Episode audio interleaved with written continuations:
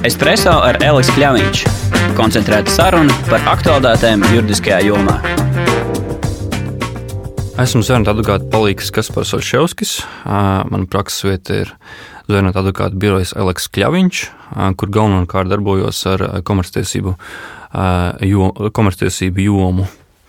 Un šobrīd, šodien mēs runāsim par oficiālo e-adresi, kāpēc tā ir vajadzīga, kādas ir problēmas viņu saņemot un lietojot, varbūt arī, un kāpēc vispār tas šobrīd ir būtiski par šo tēmu runāt.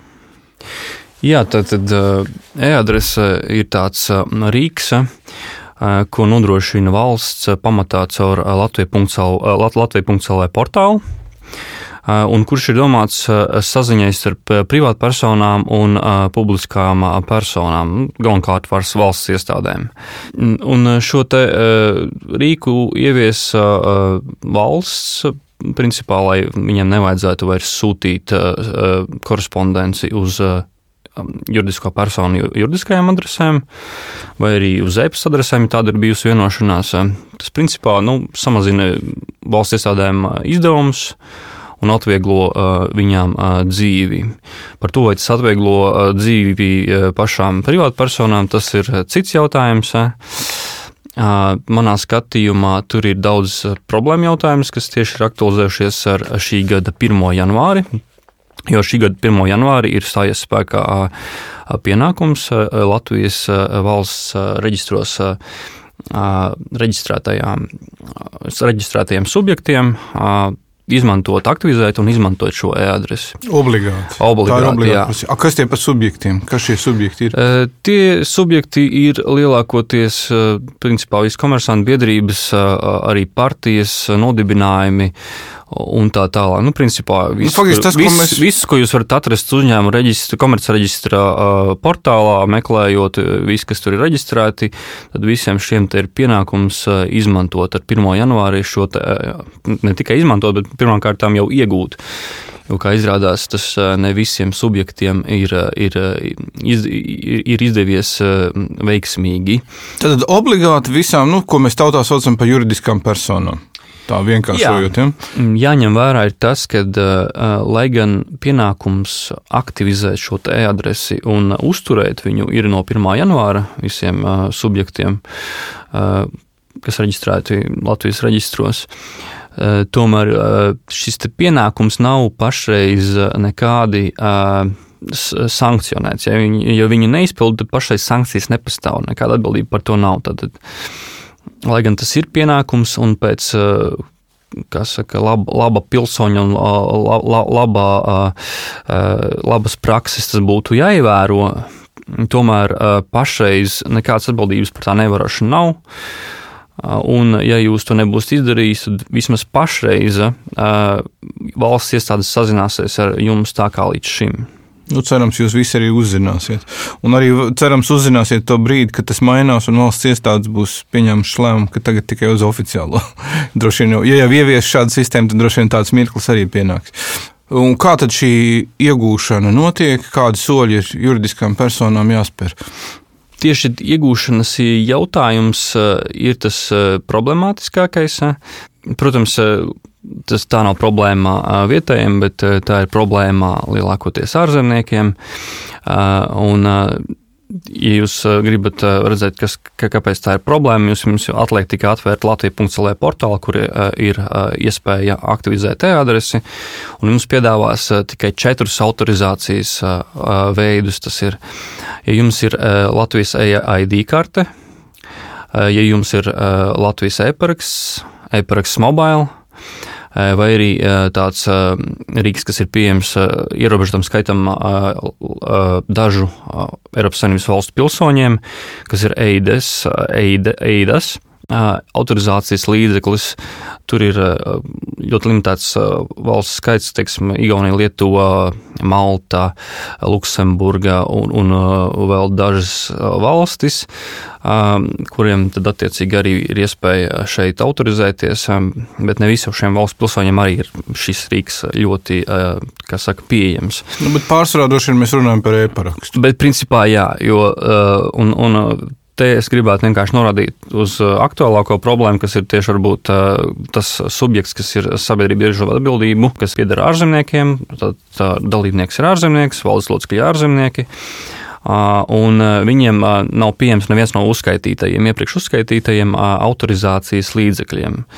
Un tas nozīmē, lai iegūtu e-adresi, jums vispirms ir jāiegūst šie te, uh, autorizācijas līdzekļi, kas pamatā būtu, uh, ja tas valdes loceklis ir um, ārvalstnieks, tad uh, viņam ir vienkārši jāiegūst ārzemnieka EID karte, ko var izdarīt vai no pilsonības un migrācijas lietu pārvaldē klātienē, vai arī ierobežotā skaitā Latvijas vēstniecību. Bet tas skaits tiešām ir tāds, vēstniecības skaits ir ierobežots, un uh, lielākajā daļā valsts, teiksim, Eiropas valstu, viņš nav pieejams. Teiksim, piemēram, Vācijā, kur ir e, e, teiksim, uh, šis te eides rīks, ar kuru var autorizēties Latvijas.CLV, Eiropas Savienības pilsoņi nav pieejams, tad viņam vajag iegūt Latvijas EID karti, uh, lai viņš varētu atvērt e, elektronisko oficiālu elektronisko adresi Latvijas.CLV portālā.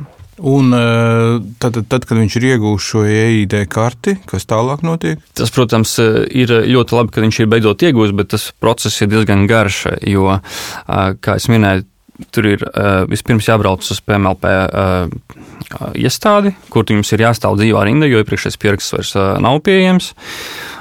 Jūs iesniedzat visus savus datus, piesakat, piesakāties uz EID karti, un pēc divām, trīs darbdienām braucat vēlreiz uz to pašu iestādi, lai saņemtu šo karti. Protams, tas ir ārvalstnieks, valdes loceklis, kas ir aizņemts cilvēks. Viņš visticamākais Latvijā varbūt nebūs, nepaliks tās trīs dienas, viņš brauks varbūt pēc mēneša, kad viņam nākošais būs iespēja, un tad vēlreiz stāvēt dzīvo rindu, lai saņemtu beidzot šo EID karti. Kad viņš būs saņēmis EID karti, viņam būs jānopērk EID kartes lasītājs. Un jāmāk, jāiemācās ar to visu rīkoties, jāiemācās rīkoties ar Latvijas.CLV portālu, jāapgūst tas viss, un iespējams, varbūt pat e-paraksts Latvijas jāiegūst. Tātad, nu, ja iepriekš tādas lietas nebija vajadzīgas, pietika vienkārši, ka viņš ir iecelts par valdes locekli, viņš varēja darboties Latvijā. Tad tagad viņam pašreiz nāk klāt vēl papildus soļi, papildus laiks, papildus pūles un naudas līdzekļi, kas ir jāiegūda, lai viņš varētu kā, kvalitatīvi darboties tā kā Latvijas valdes loceklis. Okay, ņemot vērā, ka šie cilvēki droši vien ir diezgan aizņemti, viņiem ir jāieplāno šī vizīte PMLP, ņemot vērā arī rindas, kas PMLP, kā mēs zinām, ir krietni garas šobrīd. Mēs varam pieņemt, ka visdrīzāk šis process ievilksies. Jūsu aprakstītais uzņēmums ar ārvalstniekiem droši vien to neizdarīs diezgan ātri, un, un tas process ies garumā. Kas notiek šajā laikā, kamēr šī visa lieta nav nokārtota, un tāda šis oficiālā adrese nav? Tad nu, sanāk, ka viņš e, šāds uzņēmums vispār korespondenci oficiāli neseņem, vai kā tas ir?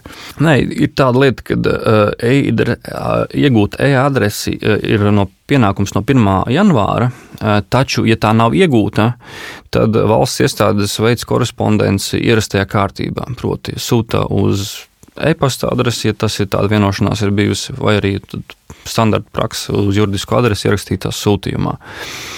Nu, neatkarīgi no tā, pienākums tas likumā ir formulēts kā pienākums, un visiem šiem subjektiem tas ir jāievēro. Tā tad situācijā, ja valdes loceklis ir ārzemnieks, kādi ir tie 3, 4, 5 soļi, kas viņam ir jādara, lai viņš šo adre, oficiālo adresi saņemtu?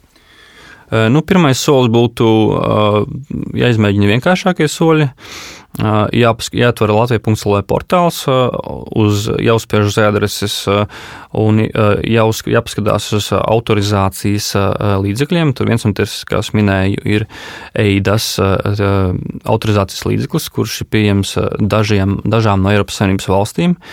Ja šis valdes loceklis ir kāds no šo valstu pilsoņiem, viņam būtu jāizmēģina, vai viņš var to izdarīt jau ar pašreizējiem sev pieejamiem rīkiem, tātad ārzemnieka, nevis, nevis ārzemnieka, bet konkrētās valsts EID karti. Okay, ja tas, tas ir vienkāršākais. ja šis, šis variants neiet, tad protams, ir nākošais, ir jāiet tas pilnais, pilnais process, kas ir Viņiem ir jāapskatās vēstniecību saraksts, kurus piedāvā šo EID e, e, kartes, ārzemnieka EID kartes saņemšanu. Ja viņš, teiksim, atrodas tuvāk vēstniecībai nekā Latvijai, ja, tad varbūt būtu jāizmanto tas variants. Ja viņam šis variants nav pieejams, tad, protams, būtu jāiet uz, jābrauc uz Latviju klātienē. Visticamākais jāprasa, ja viņiem nav jau kāds juridisks konsultants, kas ar šiem jautājumiem labi pārzina, jo vienkārši valdes loceklim, ārzemniekam, kas eh, nu, šis process nepārzina, būs bez palīdzības ļoti grūti to izdarīt. Viņam ir jāiet uz PMLP eh, nodaļu, jāizstāv dzīvā rinda. Jāpies, jānodot uh, savi dati, jāpiesakās uz Latvijas Republikas personas kodu, jāpiesakās uz ID kartes uh, pieteikšanu. Uh, Uh, un tad pēc divām, trīs darba dienām viņš var doties vēlreiz uz to pašu iestādi, kur viņš izstāvēja rindu, uh, un uh, izstāvēt vēlreiz šo rindu, un tad beidzot saņemt šo EID karti. Un, kad viņš ir saņēmis, tad viņam ir jāiegādājas EID kartes lasītājs. Un, ja viņš vēlas arī Latvijas elektronisko parakstu, tad ir jāiegūst Latvijas elektroniskais paraksts. Tad viņiem ir jā, jāsameklē kāds Latvijā, varbūt tas pats juridiskā pakalpojuma sniedzējs, kas viņu var iepazīstināt ar to, kā darbojas EID kartes lasītājs, kā EID karte darbojas, kā, kā, kā jādarbojas Latvijas.CLV portālā, kur Latvijas LV portālā vispār var atrast te adresi, jo tas portāls arī ir diezgan haotisks. Uh, un uh, jāapmāca viņus, uh, viņu rīkoties ar šiem visiem rīkiem. Un jāpiebilst, ka katru reizi, kad valdes loceklis mainīsies, viņam būs jāiet jauniem valdes loceklim šis viss process. Izklausās pēc brīnišķīga ceļojuma uz Rīgā, apmēram nedēļas garumā, kur laikā mēs tā mazliet ironizējot, varam teikt, var apmeklēt arī muzejus un apskatīt pilsētu, un galu galā tiek veicināts iespējams turisms šādi. Jā, nu, uz to skatīties arī tā, jā, katram, katram mākonītim sudara maliņa. Kas notiek gadījumos, ja notiek kaut kādas pārmaiņas, teiksim, uzņēmuma valdē, kāda šeit situācijas var veidoties? Jā, tas, šis, šī problēma varbūt būs aktuālāka jau pēc tam, kad ir e-adrese iegūta. Ja, kā saka, beidzot ir izcīnīts šis rīks un izpildīts pienākums, bet man liekas, ka visas problēmas beidzot beigušās. Tomēr, kā izrādās, vajag pagaidīt vēl mazliet, jo tur ir vēl dažas problēmas kā aktuālākā ir uh, uzņēmuma reģistra uh, inter, likuma interpretācija. Proti, uh, uzņēmuma reģistrs sācis interpretēt likumu, kad visus pieteikumus par izmaiņām, ko teiksim, uzņēmuma iesniedz uzņēmuma reģistrā, uz tiem lēmumu, ko uzņēmuma reģistrs pieņem, viņš to šo lēmumu nosūta uz oficiālu e-adresi. Un uh, neatkarīgi no tā, kad pieteikumā būs norādīts uh, e-pasta adrese, kā līdz šim, uz kuru to lēmumu sūtīt, viņi sūtīs uz e-adresi. Jūs gribēsiet, ja jums nosūtīt uz e-pasta adresi vai uz, pat uz juridisku adresi, jums uzņēmuma reģistrs ne, to nedarīs. Uh, kādos gadījumos tā ir problēma? Uh, tā ir problēma gadījumos, kad uh, iedomāsimies, ka teiksim, ir SIA, viņai ir viens valdes loceklis. Šis valdes loceklis ir bijis ļaunprātīgs, teiksim, sācis izsaimniekot sabiedrības mantu.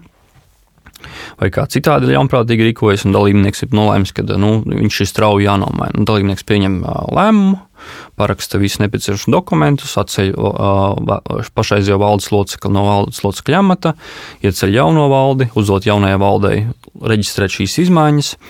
Jaunā valde iesniedz visus dokumentus uzņēmuma reģistrā un lūdz, nu, lūdzu dzēsiet šo personu no valdes locekļu skaita. Šādā gadījumā uh, uzņēmuma reģistrs, uh, vai nu, ja pieņems lēmumu, un visi dokumenti būs kārtībā, pieņems lēmumu par uh, valsts locekļu atlaišanu, bet kāds bieži gadās, uzņēmuma reģistrs konstatē trūkumus dokumentos un nosūta lēmumu, uh, kurā šie visi trūkumi ir uzskaitīti uz e-adresi. Un tad jaunā valde nezina, kas tad viņiem tieši ir jāizlabo, lai ši, ši, šo trūkumus novērstu un veco valdes locekli ieceltu un reģistrētu jaunās valdes tiesības komercreģistrā. Tad un, un ja teiksim, jaunā valde lūdzu ļaunprātīgajiem valdes locekļiem pārsūtīt no e-adreses šo te, uzņēmuma reģistra lēmumu, viņš, protams, atsakās to darīt. Un tad rodas situācija, kad nav iespējams, loks, jā, nav, iespējams, nav iespējams reģistrēt jauno valdi. Un, uh, attiecīgi tad, nu, tas, tas uh, rada tādu diezgan riskantu situāciju, kad uh, tām ļaunprātīgiem valdes locekļiem ir dots vēl papildus laiks, lai viņš īstenot kaut kādas citas darbības. Uh, un, uh, protams, tas, tas var ļoti slikti beigties uh, dalībniekam un sabiedrībai kopumā, uh, apdraudot, uh, apdraudot tās visas intereses. Uh, Nu jā, sevišķi tie ir kaut kādi tādi gadījumi, ko mēs arī esam dzirdējuši, kad grib pārņemt uzņēmumu, tad šo situāciju teorētiski var izmantot, uh, jo tā jaunā valde īsti nevar uh, piekļūt šai informācijai, kas tad viņiem ir jālabo. Jā, kas arī ir nedaudz pretrunīgi, jo. Uh, teiksim, uzņēmuma reģistra lēmums ir ierobežots pieejams informācija, un uh, normatīvi akti par uh, ierobežotas pieejamas informācijas, uh, teiksim, pie, piekļuvi ierobežotai pieejamas informācijai, nosaka, ka jebkurai personai, uh, principā sniedzot uh, attiecīgo pamatojumu, ir tiesības pieprasīt šo ierobežotas pieejamas informāciju. Nu, šajā, šajā gadījumā tas noved pie pretrunas, kad uzņēmuma reģistrs saka, ka nē, nu, jums ir jāsūta uz, tikai uz e-adresi šis lēmums, bet nu, tajā pašā laikā, ja mēs paralēli iesniedzam iesniegumu ar lūgumu vienkārši izsniegt to iesnieguma pēc, pēc kā, kā dokumenta, pēc iesnieguma, tad šajā gadījumā mums viņu izsniedz. Nu, tad varbūt tas ir kaut kāds kaut kādi trūkumi uzņēmuma reģistrā. Jā, kā teiksim, to varētu risināt? Es tieši gribēju prasīt. Jā, nu, uh, risināt visticamākais to varētu uh, skaidrojoties ar uzņēmumu reģistru, sniedzot viņiem uh, normatīviem aktiem atbilstošu skaidrojumu, uh, tieši norādot šīm pretrunām, kā tad viņi to uh, redz paši. Uh, un līdz ar to norādīt arī visus tos riskus, kas, kas, kas, kas šajā gadījumā notiek, kas, princip, ko es principā esmu darījis, bet uzņēmuma reģistrs vienalga ir atbildējis, ka nu, šajā gadījumā viņi neko nevar izdarīt, jo likums saka, ka tikai uz e-adresi var izsūtīt. Ja. Tad faktiski jūs šobrīd nerunājat teorētiski, bet praktiski ar šo situāciju esat saskāries. Un... Jā, tas ir tā, tā praksa, tā, tā, tā ir mūsu, diemžēl, pašais ikdienas praksa, kad jo klasiskais gadījums bija, kad tu visu dokumentus iesniedz uzrakstīja pieteikumu formu. Pieteikumu formā vienkārši norāda e-pastu, uz ko lēmumu saņemt, bet tagad uh, tas, uh, tas ka tur to e-pastu norāda neko nedod, jo vienkārši viss tiek nosūtīts e-adresi. Protams, tas notiek tikai tad, ja e-adrese ir aktivizēta. Ja e-adrese nav aktivizēta, protams, viss notiek vecajā kārtībā.